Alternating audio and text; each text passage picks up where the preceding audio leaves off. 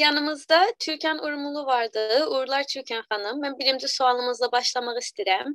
Eylül ayının 20'sinden de başlayan ayaklanmaları e, kadınlar ve genç kızlar öncülük edip ve bu protestoların Azerbaycan'a yansıması ve e, Azerbaycan'daki özellikleri hakkında neler düşünürsünüz? Bu protestolarda bilirsiniz ki, yəni sərasəri bir etirazlar olubdu. İranın hər yerində olduğu kimi Azərbaycanın qadınları da, yəni Azərbaycan qadınları da bütün Azərbaycan bölgələrində ustanlarında e, İranın e, başqa qadınları kimi, yəni onlardan e, dalıya e, qalmadan etirazlarda aktiv e, fəaliyyətləri olubdu. Burada yəni bildiyimiz kimi hədis Nəcəfi kimi qadınlarımız olublar ki, canlarından olublar və istər ölkənin içində, istər ölkənin dışında bütün aktivistlərimiz bir səslə, yəni bu ə, hərəkata ə, dəstək veriblər. Ancaq burdakı bir ə, bəlkə başqa hərəkətlər, yəni bundan daha öncə ə, olub bitən ə, hərəkətlərlə ə, fərqləndirən, ə, yəni Azərbaycan qadınlarının duruşunu bu ə, hərəkətdə məncə açıq-aydın bir Azərbaycanlı qadın kimi bu ə, hərəkətlərdə və bu etirazda şirkət ə, etmələri idi. Öz səsləri ilə, öz şüarları ilə. Yəni biz görürük ki, o zən zəndəgi azadi ə, şüarı qadın yaşam özgürlük kimi dediyim kimi, yəni sosial mediada da, içəridə də, eşikdə də bütün ə, ölkələrdə, dünyada hər kəs ki, etiraza çıxır Azərbaycanlı qadınlar, Avropa, Amerika ə, və dünyanın başqa yerlərində öz şüarları ilə və öz səsləri ilə bu etirazlara qatılırlar. Bunu da nəzərinə əlbəttə ki, bizim qadınlarımızın artıq ə, cinsiyyətləri ilə ilgili e, sorunlarının yanında e, etnik kimləşləri ilə ilgili olan e, sorunları ilə də, yəni e, bu e, məsələnin tam fərqindədirlər və ə, etirazlarında da bunu açıqca bildirirlər və ə, mən ə, əminəm və gedişatla və bütün ə, faktlar da və səslər də bunu göstərir ki, Azərbaycan ə, qadını artıq nə istədiyinin fərqindədir. Sağ olun. Azərbaycanda Türk qadınlarının durumunu necə dəyərləndirirsiniz? Sizcə Türk qadınları hansı baskı sistemlərinə məruz qalıblar? E, və sizcə Türk qadınları bu baskılara necə, harda və hansı yöntəmlərdə əslində baş qaldırıb cavab veriblər?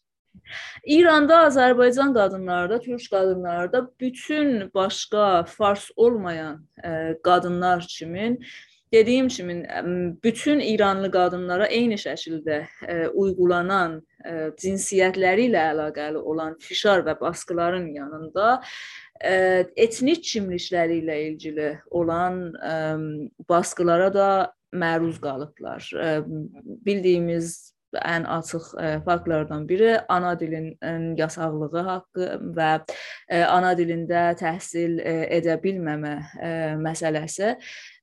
Bu bir dənə çox, yəni gözlə görünən və açıq faktlardan biridir. Ancaq məsələ sadəcə ana dilində məhdud qalmır və fars olmayan qadınların İranda çox-çox, yəni qat-qat fars qadınlarla müqayisədə ki, mərkəz qadınlardılar və bütün güc və imkan onların əllərində. Bunların hamısına məruz qalırlar. Yəni bu baskılara və təzyiqlərə. Azərbaycan qadınlarının ə, e, duruşu və reaksiyası da bu ə, e, təzyiqlərə, bu yəni soruşursunuz ki, hansı yöntəmlərdən? Mənim gördüyüm qədərilə tam mədəni ə, e, tam mədəni və gəlişmiş yöntəmlərlə istəklərini dilə gətirirlər. Yəni söhbətlərlə, ə, qoftumanla dediyimiz fars ə, söz istəyək işlədək. Ə, aktivistlər səslərində, sözlərində, yazar, şair, sənətçi qadınlarımız ortaya qoyduqları hər hansı bir əsərləri ilə və sözləri ilə sorunlarını dilə gətirirlər və çox mədəni bir şəkildə istəklərini həm öz yəni etnik kimlikləri ilə kimliklərinə mənsub olan qadınlar, yəni həm Azərbaycanlı qadınlara deyirlər bunu öz dillərində və həm də farsca mən görürəm ki, çox çalışırlar. Mən sosial mediada, Twitterdə, Instagram, fərqli Facebook sosial, yəni bu sanal ortamda da mən görürəm ki, Azərbaycan qadınlarının və hətta başqa ərəb və kürd ya bəlus qadınlarının da əməlli başlı, yəni səsləri və sözləri vardı və dərdlərini e, farslara belə və hətta yəni tək farslara yox, yəni bu dillə, İranın rəsmi dili ilə bütün ölkəyə anlatmağa çalışırlar. Və məncə bu yöntəm çox ə, açıq və aydın bir yöntəmdir, çox anlaşılır bir yöntəmdir. Ə, elmi dillə bunu dilə gətirirlər və belə bir ə, istəklər və belə bir sözlərdir ki, ona ə, danmaq mümkün deyil. Yəni tam ə, dediyim kimi gəlişmiş ə, qoftumanla ə, və tam gəlişmiş ə, bir ə, mədəni halda sözlərini deyirlər və mübarizələrinə də çox ciddi şəkildə davam edirlər. Mən inanıram ki, bu mübarizələr də başlayıbdı İranda və yəni hədəfinə yetişməyənə qədər də geri oturmayacaqdı. Yəni çox aydınlıqdır məncə bu bütün bu yöntəmlərin və çalışmaların gələcəyi. E, siz öz həyatınızda çox boyutlu baskı sistemini necə e, təcrübə edibsiz və ona necə tepki göstəribsiz?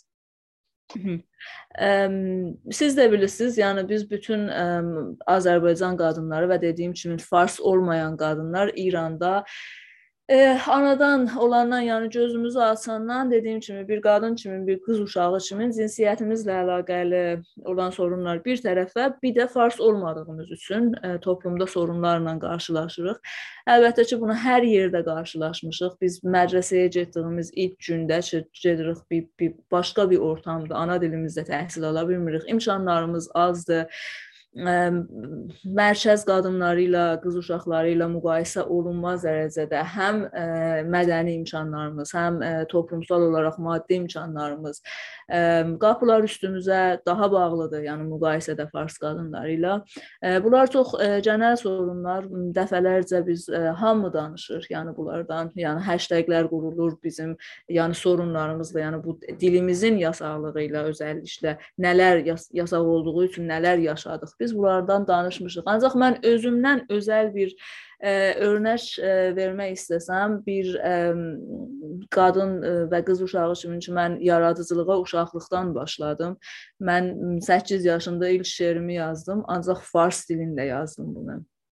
Və bu davam etdi. Mən 12-13 yaşına qədər ə, farsca yazırdım. Ə, və bu yazdığım şeylər çox ciddi şeylər də olmasaydı o yaşda ancaq çox böyük dəstək görərdi. Mən bunu məktəbdə, mədrəsədə, nə bilim, yadıma gəlir o zaman zəng elərdim, məsələn İran mediasında da danışardım, səsimi eşidən çox olardı, alqışlayan çox olardı, rəsmi mərkəzlər var idi, oralara gedərdik, gələrdik. Ancaq o zaman ki mən şükürlər olsun da ki, çox tez mən bu kimlik və ana dili məsələsini anladım. Yəni 13-14 yaşından ki mən ə, başladım öz ana dilimdə yazmağa və farscadan türkcəyə keçiş keçiş dönəmi ə, çox çətin bir dönəm idi mənim üçün. Mən bilirdim ki, artıq mən ana dilimdə yazmalıyam, ana dilimdə oxumalıyam və ana dilimdə öyrəşməliyəm. Ancaq ə, müqayisə ə, olunmayacaq qədər çətin bir durum idi, yəni fars dilindən. Qaynaqlar az idi, ə, məni oxuyan, ə, alqışlayan, tə təsəvvür eləyin mən ana dilimdə yazıram, ancaq mənim anam mənim nə yazdığımı oxuya bilmir, ə, başa düşmür. Bir tərəfdən bu dili biz çətinliklə özümüz öyrənirdik o zaman. Məsələn danışıram 20-22 il bundan qabaqdan.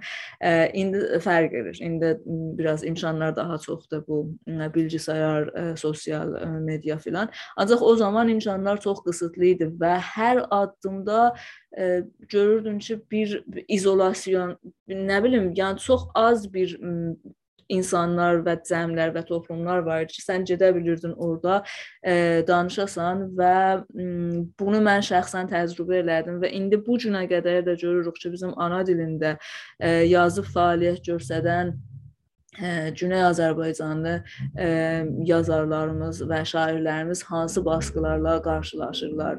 Ə, irşad müməyyizlərindən tut, ə, müzəvviz ə, məsələsindən kitablar çox az sayda ə, çapac edir, çapac edəndən sonra sətin satılır. Ə, yəni sistematik ə, dediyim o rəsmi dəstək və support İranda yoxdur və bunu mən bir ə, yaradıcı kimi özüm bu günə qədər ə, təcrübə eləmişəm və özəlliklə o zaman mədrəsədə mən öyrənci idim, öz ana dilimdə yazardım. Ə, bunu heç vaxt ə, yadıma gəlir ki, neçə dəfə mən istəşdə ə, o zaman ə, istədim bunu. Bəzilərin mədrəsənin ə, rəsmilərindən, müəllimlərdən ki, mən oxuyum ya mənim şeirimi bu bir yerdə çap ə, yox tam buna bir kəsin bir yox ya rədd eləmək, yox, farsda yazmalısan. Bu təcrübələrdən mən əminəm ki, istəsək danışaq, bütün yəni ana dili fəalları və ana dilində yazıb oxuyan insanlar bunlardan çox danışa bilərlər bizim toplumda.